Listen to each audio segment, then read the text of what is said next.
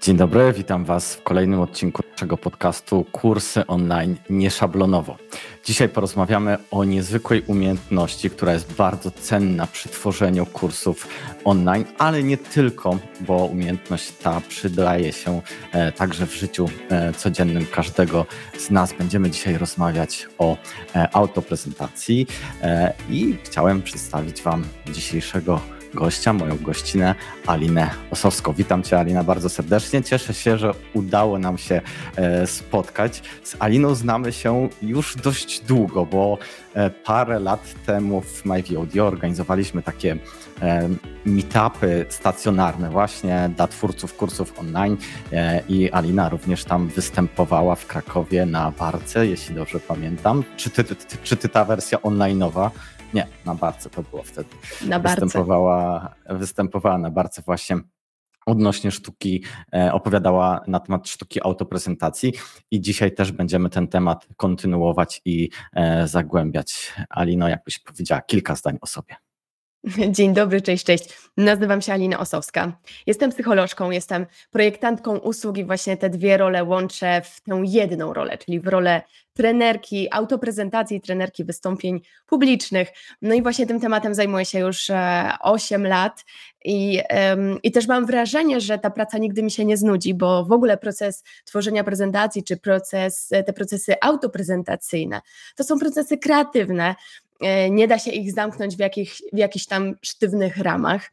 E, tak więc mam wrażenie, że trochę im dalej w las, tym więcej możliwości, więcej inspiracji. E, dookoła całe środowisko się zmienia, więc można powiedzieć, że cały czas tworzę nowe i uczę nowego.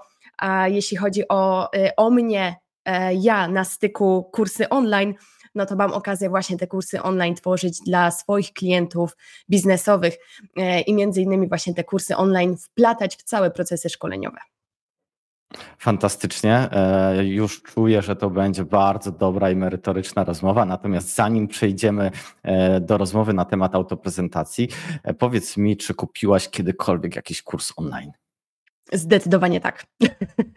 Jak Co najbardziej. To było? Czy ma, ma, masz może jakiś taki jeden swój ulubiony, albo taki najciekawszy, albo coś, co ci najbardziej zaskoczyło w jakimś kursie? Mam swój ulubiony. Generalnie bardzo lubię w ogóle naukę poprzez kursy online. Zresztą w ogóle w swoich talentach Galupa, to tak wrzucę teraz trochę prywaty, mam bardzo wysoko learnera, czyli uwielbiam się uczyć, uwielbiam zgłębiać wiedzę z różnych tematów. No i właśnie robię to i z tych tematów takich e, całkiem prywatnych również, ale z tych zawodowych, mm, takich, które mają wspierać moją e, codzienną pracę. I właśnie ostatni kurs, który kupiłam online'owy, mm, e, to był kurs Jacka Kłosińskiego rewelacyjna rzecz, taki nawet masterowy kurs, który realizowałam w zeszłym roku, już w zeszłym roku to było e, na przestrzeni września i grudnia. Mm, e, czy mnie coś zaskoczyło? Myślę, że może nawet nie tyle zaskoczyło, co bardziej byłam pod wrażeniem tego, jak on był stworzony, jak były stworzone skrupulatnie materiały i w jaki sposób można było z tymi materiałami pracować, bo było to niesamowicie wygodne. E, wygodna praca połączona właśnie w tej, w tej nauce e, wideo, ale też realizacji zadań, e, ale też powrotu do, do jakichś innych, jakichś innych tematów powiązanych z tym, o czym w danym momencie mówimy. Był to kurs akurat dotyczący stricte marketingu. Bardzo ciekawe. E, brzmi bardzo interesująco. Dobrze, przejdźmy do tematu naszego dzisiejszego odcinka, czyli autoprezentacja.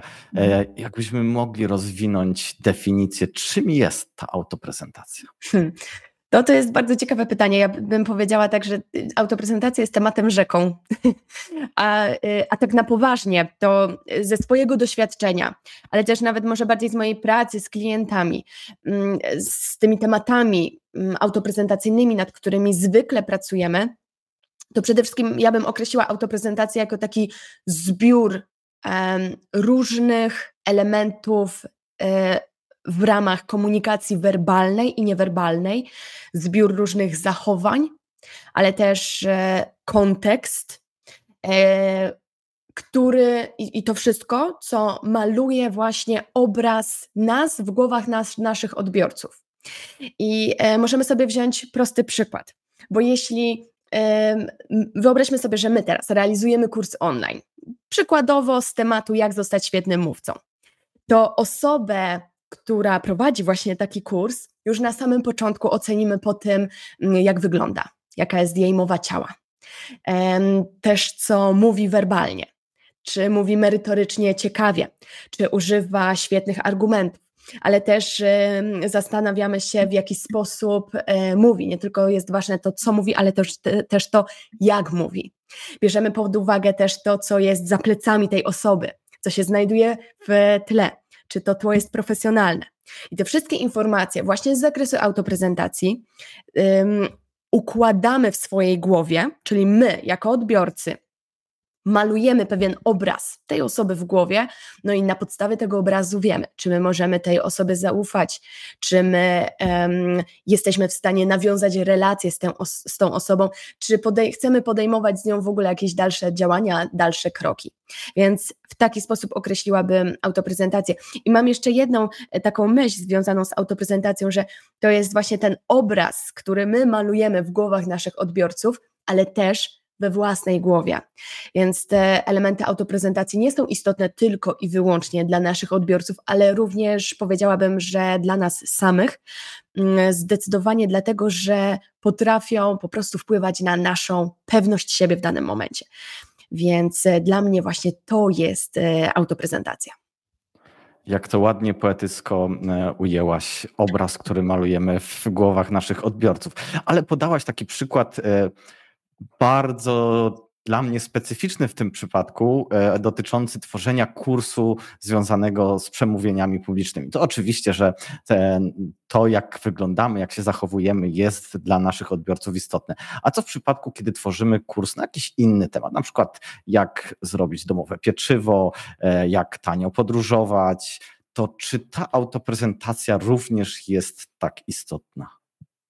Zdecydowanie tak. I ja się śmieję, że właśnie w temacie, z którego ja szkole, kiedy ja występuję, czy to zdalnie, czy stacjonarnie, no to zawsze mówię moim słuchaczom, że jestem, wiem, że jestem oceniana, oceniana podwójnie, bo e, nie dość, że właśnie oceniają autoprezentację, moją autoprezentację i na tej podstawie wysnuwają pewne wnioski na mój temat, no to również, no jakby co za tym idzie dalej, wiedzą, czy można mi zaufać, czy stworzymy relacje i tak dalej, to y, z drugiej strony jeszcze sprawdzają, czy to ta wiedza merytoryczna, którą przekazuję, również y, tutaj jest spójna z tym, co ja sama prezentuję. Więc masz rację. W sytuacji, kiedy mówimy o wystąpieniach publicznych czy o to prezentacji, no to ta, śmieje się, ocena, w cudzysłowie oczywiście, jest podwójna. Ale w sytuacji, nawet jeśli nasz temat dotyczy właśnie y, kulinariów, dotyczy podróży, czy jakichkolwiek innych tematów, niezwiązanych stricte z wystąpieniami publicznymi czy autoprezentacją,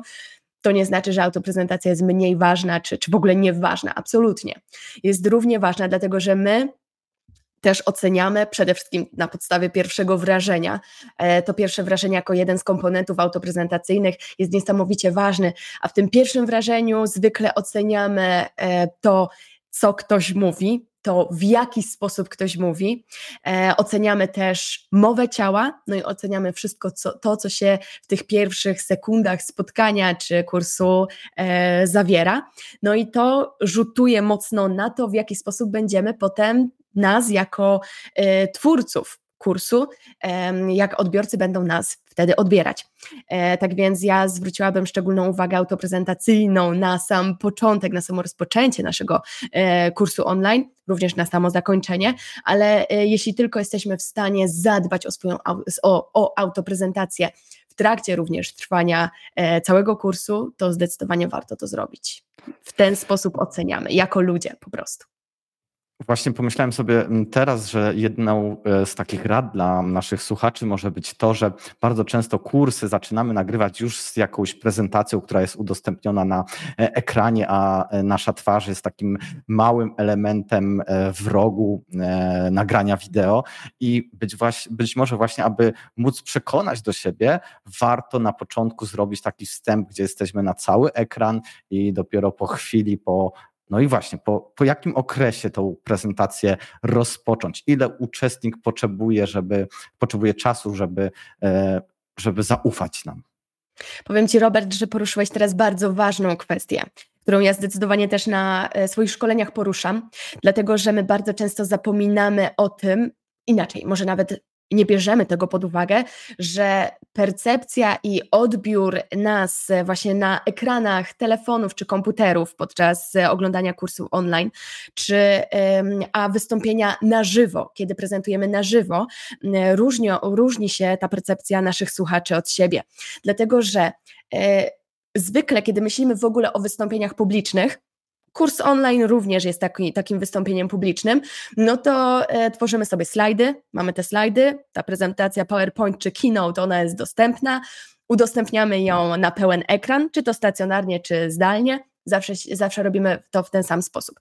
No i o ile prezentacje multimedialne stacjonarnie zawsze tworzyły tło dla nas jako występujących, to tyle jest ok. Jakby my nauczyliśmy się z tymi prezentacjami pracować, zaczęliśmy wrzucać wiesz, piękne slajdy tła, na nasze prezentacje, duże hasła, slajdy tytułowe. To wszystko naprawdę tutaj nabieramy, nabraliśmy bardzo dużo wprawy i też takiej trochę ogłady, w jaki sposób to tworzyć, żeby wyglądało to też estetycznie. Ale problem polega na tym, że mm, w sytuacji, kiedy zaczęliśmy występować zdalnie, czyli na przykład tworzyć kursy online, my jeden do jeden przenieśliśmy swoje prezentacje multimedialne do sieci. I teraz problem polega na tym, że teraz właśnie tak jak mówisz, kiedy my udostępnimy swoją prezentację multimedialną, udostępnimy slajdy na pełnym ekranie, a my stajemy się jednym małym okienkiem w prawym, górnym lub dolnym rogu, no to niestety, ale prezentacja multimedialna nie gra już teraz, nie stanowi naszego tła. E, to nie my jako prezenter gramy pierwsze skrzypce, to prezentacja gra e, pierwsze skrzypce, prezentacja multimedialna, czyli slajdy. I powiem tak, nie zawsze o to nam chodzi. E, ja zakładam, że slajdy powinny w całym kursie w ogóle pojawiać się tylko i wyłącznie wtedy, kiedy mają za zadanie wspierać zrozumienie tego, o czym my w danym momencie jako prezenter mówimy. Czyli jeśli opisujemy pewien proces, albo potrzebujemy coś zwizualizować, albo przedstawiamy jakieś konkretne wyniki, statystyki, tabelę, mm, coś, co dobrze by było, żeby nasz słuchacz sobie zwizualizował. Więc w takich sytuacjach zdecydowanie wykorzystujmy slajdy, ale slajd z tytułem, na przykład z jednym hasłem, wiszący na ekranie przez trzy minuty, bo na przykład omawiamy teraz hasło autoprezentacja i teraz wyświetlam autoprezentacja na całym ekranie, to absolutnie nie jest dobry pomysł. Tutaj, w tej sytuacji, polecam, żeby ze swoich prezentacji multimedialnych wyrzucić wszystkie slajdy, które stanowią jedynie tło dla Was, dla prezenterów, a zostawić tylko to, co realnie ma wspomóc naszego słuchacza w zrozumieniu treści e, czy y, przyswojeniu tych treści, o których w danym momencie mówimy. Czyli rozumiem, że e, takie slajdy, prezentacja powinny być tłem, dodatkiem do tego, co e, mówimy, a nie powinny grać główną rolę w naszym kursie. Absolutnie nie powinny grać głównej roli dokładnie w całym kursie, absolutnie nie. Też dlaczego? Dlatego, że wyobraźcie sobie sytuację, nawet, bo ja zawsze też mówię moim słuchaczom, moim kursantom, że y, wyobraźcie sobie teraz siebie jako takiego odbiorcę tego kursu i wyobraźcie sobie, że widzicie teraz slajd z jednym hasłem na pełnym ekranie. Załóżmy, niech to będzie slajd właśnie autoprezentacja. I ja teraz omawiając ten slajd, przeznaczam na omawianie go na przykład 5 minut. I słuchajcie, wyobraźcie sobie właśnie siebie, jak siedzicie teraz przed komputerem na przykład, na swojej kanapie, patrzycie na jeden wielki slajd na ekranie autoprezentacja, prezentacja i słuchacie tylko mojego głosu, bo jestem jakąś tam małą miniaturką albo nawet w ogóle mnie nie widać i słyszycie tylko mój głos opowiadający o tym, mm, o tej, e, o tym e, temacie, mm, to, to wiesz, jeśli ja teraz jestem skupiona na ekranie na jednym e, slajdzie, autoprezentacja, to moja uwaga w pewnym momencie znacząco spadnie, dlatego że nie ma dodatkowych żadnych bodźców, które mogę przetwarzać. E, czekam cały czas, aż coś się wydarzy na tym ekranie, więc próbuję być czujna, bo wiem, że ten kurs leci dalej, więc żeby nic mi nie umknęło. No ale ostatecznie okazuje się, że przez 5 minut wisiał tylko i wyłącznie jeden slajd. No i uwaga słuchacza niestety, ale drastycznie wpada, spada. I jesteśmy jedynie w stanie ją e, przykuć właśnie tym, że pokażemy siebie na pełnym ekranie, no bo my jako osoby, które też poruszają się, mają pewną mimikę twarzy albo wykorzystują gestykulację, jeśli jesteśmy na tyle wykadrowani, że możemy ją wykorzystać mm, i dostarczamy dzięki temu bodźców do przetwarzania naszym słuchaczom. No więc ta uwaga cały czas stale jest na odpowiednim poziomie. No to jeśli moglibyśmy podsumować, jakie elementy zawierają się w tej autoprezentacji, e, no i czy można tego wszystkiego się nauczyć, jakby panować nad tym, kontrolować? Tak, to ja może powiem od, zacznę z odpowiedzią na to pytanie od końca, czyli tak, można się nauczyć, można kontrolować w zasadzie wszystkie elementy, o których mm, też zaraz powiem. Mm, tylko chciałabym zaznaczyć, że jest to złożona struktura, dlatego że w ogóle te elementy autoprezentacyjne mm, w, takim, w takiej ogólnej strukturze możemy rozłożyć na komunikaty, komunikację werbalną. Czyli teraz wszystko to, co mówimy, to jakich argumentów wykorzystujemy, to jakie, mm, jakie E, formy retoryczne wykorzystujemy, w jakie narzędzia to obudowujemy, to w jaki sposób angażujemy naszych słuchaczy, to jakie zadania im dajemy lub co mają właśnie, co mają wykonać w trakcie, e, w trakcie naszego kursu online. Więc wszystkie tematy związane z językiem, z, tym, e, z tą komunikacją werbalną. Kolejny aspekt autoprezentacyjny podzieliłabym na ten aspekt niewerbalny. I tutaj zaliczyłabym właśnie przede wszystkim też paralingwistykę, o której bardzo często niestety zapominamy. Czyli nieważne jest tylko to, co mówimy, ale ważne jest też to, w jaki sposób my to mówimy. Czy właśnie używamy zmiennego tempa mówienia, czy w naszym głosie występuje tak zwana paramowa, czyli wiesz, te wszystkie takie, taka wata słowna, nie? Typu e, e, a, zacinanie się i tak dalej. Czy odpowiednio stosujemy pauzę? E, czy potrafimy modulować swoim głosem, tak żeby na przykład koniec zdania e, z, kończyć z takim obniżonym tonem głosu? E, czy e, dbamy też o artykulację? Czy ta nasza mowa jest wyraźna? Tutaj taki szybki tip od, od razu podam, bo to jest bardzo dobra rzecz, żeby to sprawdzić.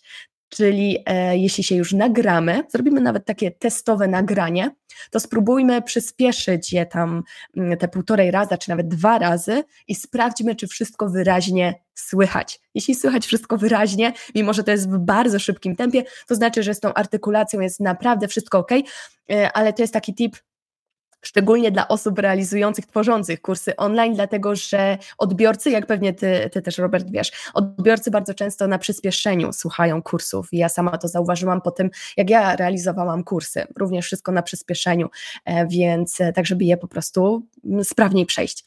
E, więc, więc to jest taki tip, żeby to sprawdzić. W komunikacji tej niewerbalnej również ważna jest, ważny jest kontakt wzrokowy. I to jest coś, o czym też bardzo często zapominamy online, czy tam prezentując przed kamerą, ponieważ wydaje nam się, że skoro nikogo nie mamy, no to nie ma z kim utrzymywać tego kontaktu wzrokowego, ale tu nic bardziej mylnego. Słuchacze nadal mają wrażenie utrzymywania z nami kontaktu wzrokowego, więc też mają potrzebę utrzymywania tego kontaktu wzrokowego, więc na to również powinniśmy zwrócić uwagę. No i tutaj e, w tej autoprezentacji ważny jest też ten element mowy ciała, już tej ogólnej mam na myśli gestykulacji, ale też naszej postawy e, przed kamerą i, i ten element jest, jest tak samo ważny właśnie w komunikacji niewerbalnej. Poza tą komunikacją werbalną, niewerbalną, o której przed sekundą powiedziałam, jest też ten element całego kontekstu. Kontekst tutaj mam na myśli wszystko to, po czym my jako e, ludzie oceniamy drugą stronę, wyciągamy na jej podstawie, e, na, na podstawie tego kontekstu wnioski. I uwaga, robimy to Mm, trochę mimowolnie, ale to dlatego, żeby e, po prostu nasz mózg nie musiał wszystkiego e, na takich e, najwyższych obrotach przetwarzać. Dlatego my wyciągamy wnioski, jeśli na przykład widzimy za kimś w tle y, wysuszoną roślinkę, taką suchą, niepodlewaną od tygodni.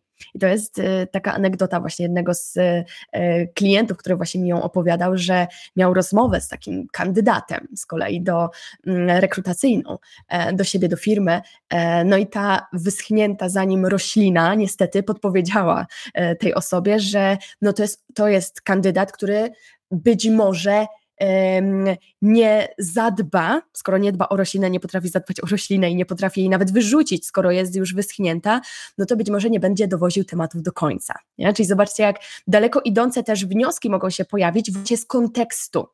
E, to w jaki sposób jesteśmy ubrani, czy jesteśmy ubrani odpowiednio do całej sytuacji, którą, e, która w tym momencie jest.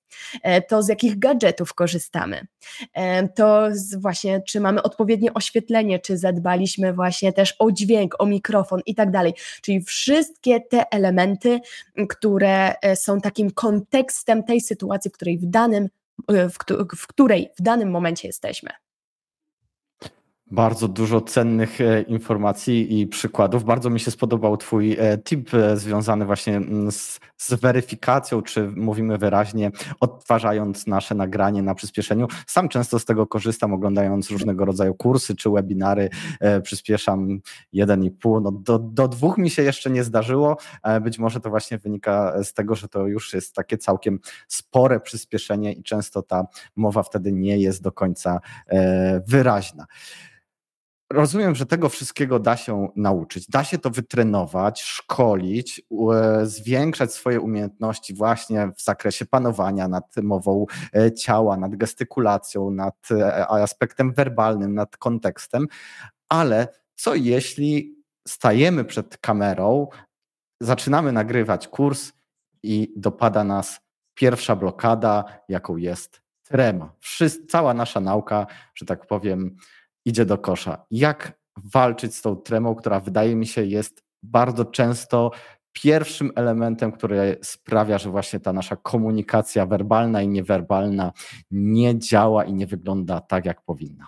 Oj, zdecydowanie. Ta trema mm, pojawia się nie tylko przy wystąpieniach stacjonarnych, również przy tych wystąpieniach online'owych, właśnie tak jak mówisz, to nie muszą być nawet wystąpienia na żywo, ale po prostu wiemy, że już jest akcja, kamera, to się nagrywa, w związku z czym pojawia się trema. Ja przede wszystkim pierwsza rzecz, którą, której nawet polecam nie robić, może tak, e, to polecam nie zapisywać sobie słowo w słowo tego, co chcemy przekazać podczas naszego kursu online. Oczywiście, możecie to zapisać, przygotowywując się, ale potem wyrzućcie to do kosza, nie wracajcie do tego, dlatego że w, w, takiej sytuacji będziemy starać się odpamiętać każde słowo, w związku z czym cały czas będziemy się chwytać na tym, że, mm, że niestety te, te nagrania trzeba będzie jeszcze raz robić od nowa, od nowa, od nowa i ta trema jest po prostu większa, więc absolutnie nie słowo w słowo. Polecam robić sobie krótkie notatki w postaci właśnie takich bullet pointów, ale nawet oprócz takich notatek w postaci bullet pointów, mm, krótki, krótkich właśnie takich e, haseł, co kiedy ma się zadziać, to, to zachęcam, żeby wpisywać sobie tam też e, według hashtagów nawet dwa, trzy słowa kluczowe do takiego bullet pointa, zaznaczyć sobie to y, chociażby markerem, y, tak żeby móc łatwo rzucić okiem na tę kartkę i już dalej wiemy doskonale, o czym chcemy y, powiedzieć, więc y, absolutnie nie spisywanie słowo w słowo, tylko notatki ze słowami mm, kluczowymi. To jest niesamowicie ważna rzecz. Mm, I przychodzi mi też jedno takie, jedno takie, nie wiem, czy można to nazwać narzędziem, ale myślę, że bardzo dobrym ćwiczeniem przed wystąpieniem publicznym w ogóle. Między innymi też przed kursami online. Mm, przychodzi mi do głowy takie ćwiczenie, które oczywiście ważna rzecz, opiera się na badaniach, więc nie jest takim ćwiczeniem wyssanym z palca, ale opiera się na badaniach przeprowadzonych w ogóle w 2013 roku. I to były badania, gdzie y, podzielono mm, osoby badane na trzy różne grupy pierwszej grupie, każda z grup, każda z tych grup y, miała za zadanie za chwilę y, przejść przez rozmowę rekrutacyjną, taką krótką, kilkunastominutową rozmowę rekrutacyjną, oczywiście fikcyjną i te osoby wiedziały, że to jest rozmowa fikcyjna, no ale jakby miały do takiej rozmowy przystąpić. Y, pierwsza grupa miała za zadanie przed tą, zaraz przed tą rozmową przypomnieć sobie, wiecie, odpamiętać po prostu sytuacje, w których bardzo dobrze jej poszło. E, w sytuacji, w sytuacji, w których osiągnęła sukces. kiedy czuła się, że jest właśnie sprawcza. No i potem dopiero przystąpić do tej, mieli za zadanie przystąpić do tej rozmowy. Druga grupa z kolei miała za zadanie przypomnieć sobie jakieś negatywne sytuacje w swoim życiu. Sytuacje, w których no, nie poradziła sobie, poszło, poszło im źle, nie byli z siebie zadowoleni. A następnie przystępowali do rozmowy rekrutacyjnej. I trzecia grupa taka można powiedzieć grupa kontrolna, e, nie miała absolutnie żadnego zadania zaraz przed swoją, e, swoją rozmową rekrutacyjną, po prostu miała w tej rozmowie uczestniczyć. No i może zacznę od tej ostatniej kontrolnej grupy. Mm, mm, komisja, która oceniała sukces tych, tych osób, e, powiedziała, że tylko 50% osób poszło ok. Czyli załóżmy, że 50% z tej grupy ostatniej kontrolnej, połowa z tych osób otrzymałaby tę pracę, że ta rozmowa przebiegła ok, pozytywnie, druga połowa niestety nie. E, w tej mm, drugiej grupie, w tej grupie, gdzie e, polecono, żeby odpamiętać sobie jakieś negatywne e, sytuacje, e, pozytywnie rozmowę przeszło, słuchajcie, jedynie 26% osób. Czyli już tutaj mamy znaczący spadek. I teraz ciekawe, jak pierwsza grupa, to teraz takie trochę taka, taki quiz dla słuchaczy. Zastanówcie się, jak myślicie, ile procent w pierwszej grupie mm, otrzymało pozytywny wynik, ile procent osób badanych? Już Wam mówię, 70 niemal 70% osób z tej pierwszej grupy otrzymało pozytywny wynik. No więc teraz pytanie, jaki dla nas z tego wniosek, jako y, dla osób y, tworzących, twórców y, online, tworzących kursy online. Mm, przede wszystkim przed przystąpieniem do naszego nagrywania naszego kursu online, zdecydowanie polecam Wam wspominać, przypominać sobie właśnie te sytuacje, w których rewelacyjnie nam poszło. Tak, żeby nasza głowa nastroiła się na to, że, że tutaj e, ten stres nie musi się wkładać, bo zdecydowanie pójdzie nam bardzo dobrze. I to jest taki, to jest taki tip, e, który jeszcze raz powtórzę, jest oparty na badaniach, nie jest wyssany z palca, absolutnie jest oparty na rzetelnych wynikach badań, więc zdecydowanie zachęcam. Ale to nie wszystko, bo jest jeszcze jedna rzecz, którą, z którą chciałabym się z Wami podzielić, bo myślę, że ona jest też dość krytyczna i, mm, i ja, jako osoba, która lubi tak pragmatycznie podchodzić do e, sprawy, to również bardzo lubię ten, ten, ten, ten w zasadzie też zadania, pewne zadania do wykonania jeszcze przed samym nagrywaniem, e, czyli trochę poradzenie sobie z, z czarnymi scenariuszami, które w naszych głowach mogą się pojawiać. A więc warto na samym początku, jeszcze przed przystąpieniem do nagrania, wypisać sobie, czego my się obawiamy podczas tego nagrania, co się może wydarzyć, dlaczego nas to może stresować, co nas stresuje. Czyli wypisujemy wszystkie obawy, które nam przychodzą do głowy, tak żeby to nazwać, żeby nie czuć tylko, ok, dobra, to mnie stresuje, ale żeby wiedzieć, co to jest.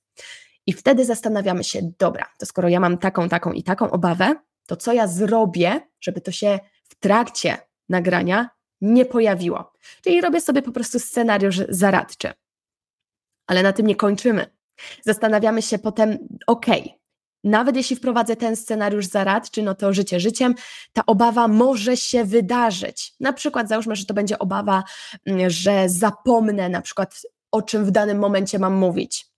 Więc jeśli e, moją, moim e, scenariuszem zaradczym właśnie na tę obawę było to, że na przykład mm, bardzo dobrze tydzień przed będę się uczyć codziennie, przypominać sobie mój scenariusz i tak dalej tego kursu online, no to mimo, że ten scenariusz zaradczy nie zadziałał właśnie na tę obawę, że nie będę wiedzieć o czym dalej powiedzieć, no to zastanawiamy się teraz, dobra, to jeśli to nie zadziała, to co ja zrobię w trakcie? Co ja zrobię w trakcie mojego kursu online, e, jeśli to się wydarzy? I wtedy najlepiej spisać sobie właśnie wszystko, co zrobimy, czyli na przykład zaczniemy od początku. Albo y, w takim razie nie będę montować jednym, e, jednym rzutem, e, tylko właśnie nie będę nagrywać jednym rzutem, tylko będę montować krótsze części. Albo będę mieć ze sobą konspekt, jeśli tylko się zatnę, rzucę wzrokiem na ten konspekt, od razu będę wiedzieć, o czym mam dalej powiedzieć. Nie? Więc tworzę sobie takie różne scenariusze zaradcze, e, które mają za zadanie pomóc nam przed, żeby te obawy w ogóle się nie pojawiły, albo już w trakcie, e, co zrobić, żeby mm, poradzić sobie z tymi obawami, e, jeśli one się realnie zrealizują.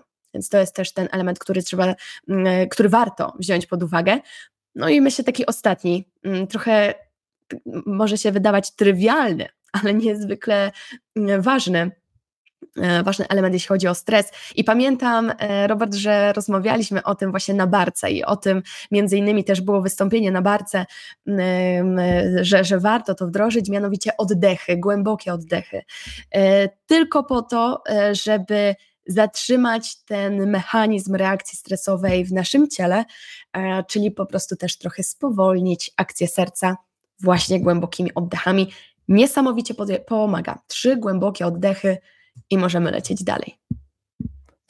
To prawda, walka ze stresem nie jest łatwą umiejętnością, ale jak Alina nam przedstawiła, jest mnóstwo sposobów na to, jak sobie e, z tym radzić. W nawiązaniu do tego, co powiedziałaś, e, powiedziałaś sam z doświadczenia wiem, że na przykład dużo lepiej nagrywa mi się, e, czy to jakieś webinary, czy podcasty, kiedy za oknem świeci słońce, kiedy jest pozytywny dzień, jesteśmy uśmiechnięci, pozytywnie nastawieni do życia i warto w gorszym dniu na przykład przełożyć takie nagranie e, kursu online, e, żeby właśnie to nasze nastawienie pokazać, e, że jest dużo, dużo bardziej pozytywne.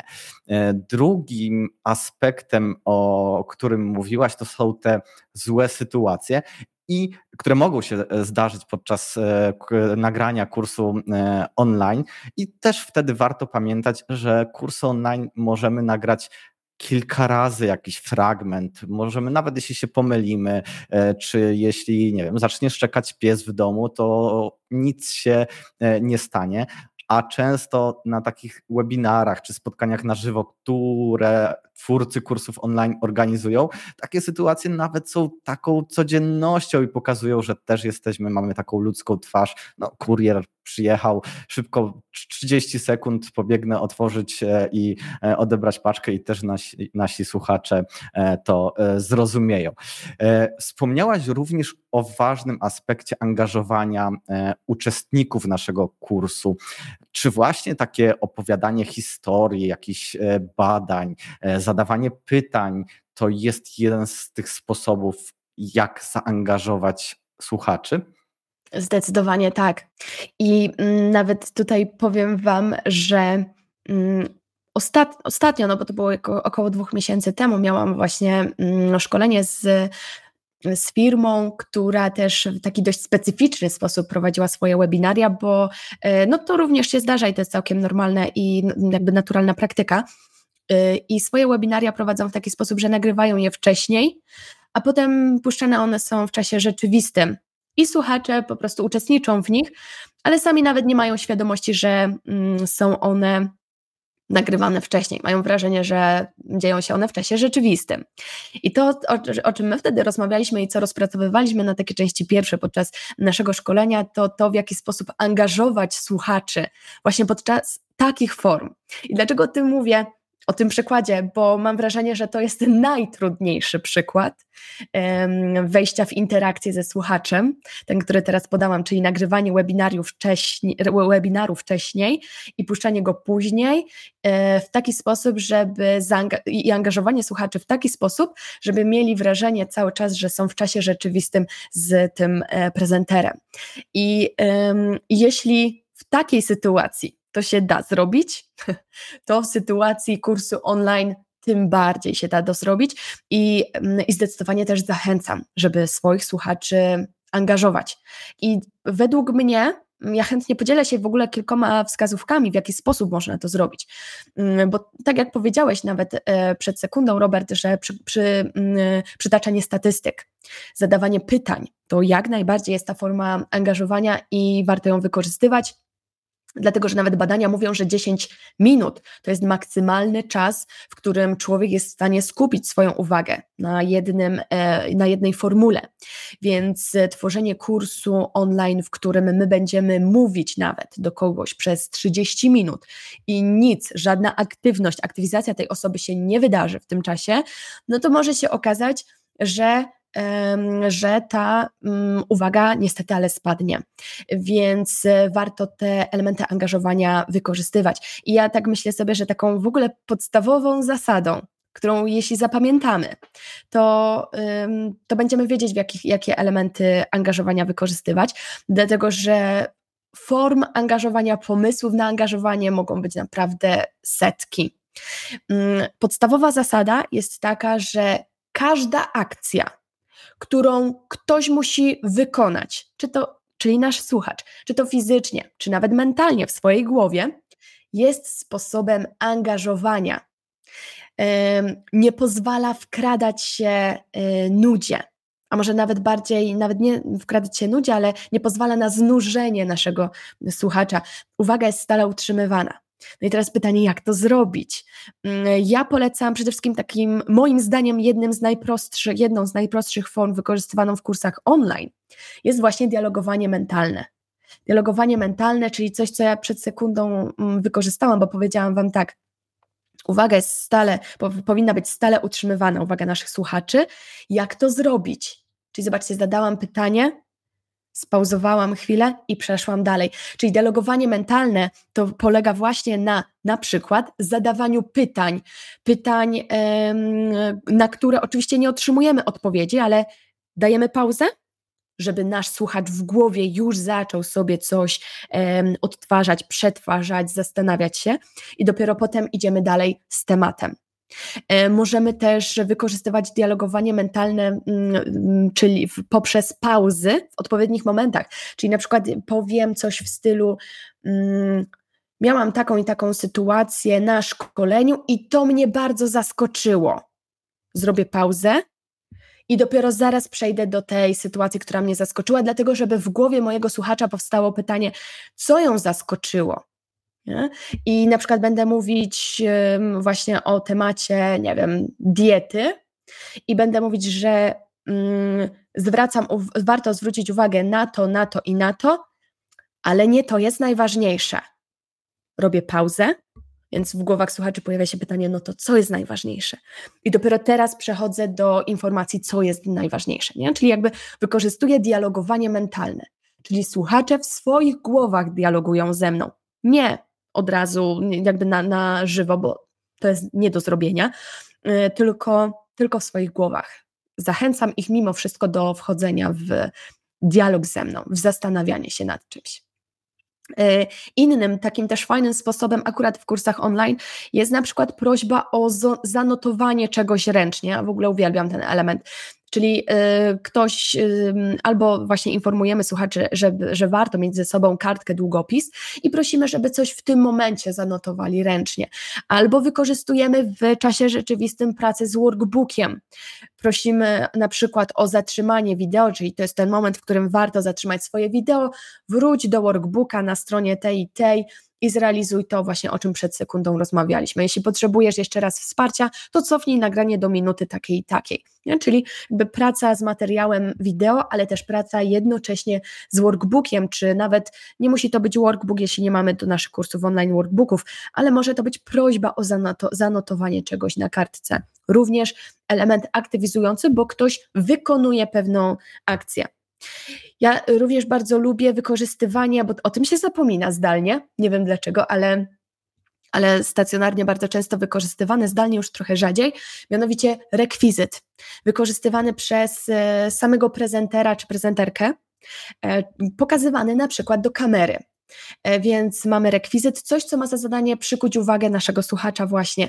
E, może też być to rekwizyt wykorzystywany przez naszych słuchaczy, czyli zawsze możemy poprosić słuchaczy, słuchajcie, proszę weźcie teraz e, do ręki coś, nie wiem, zielonego na przykład. No i oczywiście potem kontynuujemy, dlaczego to jest istotne, ale zaktywizowaliśmy naszych słuchaczy, musieli wstać, zastanowić się, spojrzeć w, w, gdzieś tam w swoim pomieszczeniu, czy mają coś zielonego i to wziąć. Nie? Czyli to jest znowu element aktywizowania i, i trochę też uatrakcyjniania tych treści, które chcemy mm, przekazać. Mm, ja też bardzo lubię pracować online z materiałami dodatkowymi i tu mam na myśli nie workbooki drukowane, tylko, mm, tylko materiały, które, w które trzeba gdzieś kliknąć w danym momencie, gdzieś wejść, w jakiś link, y, jakieś przekierowanie i potem tłumaczenie też naszemu użytkownikowi, y, odbiorcy, y, w jaki sposób się tam po tym pliku na przykład poruszać. Tu oczywiście chcę też zapalić taką małą gwiazdkę, dla naszych słuchaczy teraz, y, żeby wykorzystując, znaczy żeby pamiętać, że wykorzystując tę metodę nie możemy też utracić kogoś, żeby tutaj nie było przerostu formy nad treścią, czyli jeśli kogoś, kogoś w danym momencie podczas naszego kursu online odsyłamy do jakiegoś innego załącznika, linku, czy, czy jakichś innych materiałów, mm, no to pamiętajmy, żeby nim tak pokierować, żeby nie odwrócić wręcz jego uwagi od naszego kursu online, tylko żeby koniecznie tam do nas z powrotem wrócił. E, ja też bardzo lubię wykorzystywać rebusy quizy i to jest bardzo fajne akurat do wykorzystania w kursie online. Oczywiście wynikiem e, ktoś z nami się nie podzieli w czasie rzeczywistym, bo podzielić się może na przykład w kontakcie już po tym kursie, ale w czasie rzeczywistym nie, ale to niczemu nie przeszkadza, bo ten rebus quiz może być po prostu wyświetlony na ekranie, ale ma za zadanie zaktywizować naszego słuchacza, ma za zadanie sprawić, że ten słuchacz po prostu zacznie się zastanawiać, zacznie go coś intrygować, no i ta uwaga będzie przykuta, e, więc to jest też jeden z elementów, który jest naprawdę bardzo ciekawy. Mm, i myślę sobie, a jeszcze jest jeden taki fajny, jest jedna fajna rzecz, ja lubię ją nazwać eksperymentem. Eksperyment, czyli, mm, czyli zadanie na, dla naszego słuchacza, y, które ma za zadanie sprawić, że nasz słuchacz wyciągnie taki wniosek, jaki teraz chcemy przekazać, tak żeby on przetestował sobie to, o czym my mówimy, e, albo metaforycznie przetestował, albo w czasie rzeczywistym przetestował, bo jeśli nasz kurs mm, e, mm, na przykład y, mówi o tym, w jaki sposób, załóżmy, ustawić swój telefon i ustawić w nim, na przykład w telefonie, e, w ustawieniach aparatu jakieś dobre parametry, no to możemy to zrobić w czasie rzeczywistym i nasz słuchacz może od razu zrobić taki eksperyment i nagrać coś, sprawdzić, czy akurat, na, aby na pewno y, otrzymał taki efekt, jaki my chcieliśmy, żeby uzyskał. Więc form aktywizacji słuchaczy jest mnóstwo. Warto zapamiętać, że każda akcja, którą ktoś musi wykonać fizycznie lub w głowie swojej mentalnie, jest właśnie formą aktywizowania, którą warto wykorzystywać. To teraz uwaga, prośba dla naszych słuchaczy i dla wszystkich, którzy oglądają nas na YouTubie. Napiszcie w komentarzu, jakie wy macie formy aktywizacji swoich kursantów. E, a jeśli uważacie, że to, co Alina powiedziała, było dla Was inspirujące i ciekawe, to koniecznie, tak jak tutaj Alina pokazuje, dajcie łapkę w górę. E, no właśnie, czy to była jakaś forma aktywizacji naszych słuchaczy? Jak, jak to oceniasz? Bo z jednej strony myślę, że tak, ale z drugiej strony być może te osoby właśnie już nie słuchają nas, tylko skupiają się na tym, e, aby napisać w komentarzu, jak oni e, aktywizują słuchaczy, czy jak walczą z tremą. I bardzo dobrze tutaj właśnie, bardzo dobrze kombinujesz, Robert, bo faktycznie tym musimy sobie pozarządzać. Czyli musimy pamiętać wtedy, że jeśli teraz właśnie, y, bo tu Robert wykorzystałeś kilka elementów, również dialogowanie mentalne, bo pięknie powiedziałeś, uwaga, pauza, osoby, które słuchają, oglądają nas i tak dalej, nie? Więc tutaj i oczywiście teraz jest konkretne zadanie do wykonania, wstawienie komentarza, więc jak tym pozarządzać? Jeśli wiemy, że aktywność naszego słuchacza, czyli na przykład poleciliśmy mu teraz napisanie komentarza, albo poleciliśmy mu teraz to, żeby e, poszedł do kuchni i przyniósł pustą szklankę, to e, musimy mu dać czas na to, żeby to zrealizował i faktycznie merytorycznie warto tutaj trochę zapauzować, trochę się wstrzymać, mm, ale cały czas to, co jest ważne, być narratorem tego, co się dzieje. Więc cały czas mówimy w tle, co się teraz dzieje, pewnie już teraz jesteś w kuchni, e, pewnie już teraz wracasz do nas, jesteś przed ekranem, więc skoro jesteś przed ekranem, to super, a nasi drodzy słuchacze i widzowie pewnie teraz kończą już pisać komentarze, więc świetnie, jeśli wrócicie do nas i teraz właśnie zaczniemy dalej E, dalej e, rozmawiać. Ja tylko jeszcze dodam a propos tych komentarzy, że bardzo chętnie sama do nich zajrzę po opublikowaniu naszego już naszego nagrania bo jestem ciekawa właśnie, co tam się pojawi i jestem zdecydowanie przekonana, że się czymś zainspiruje.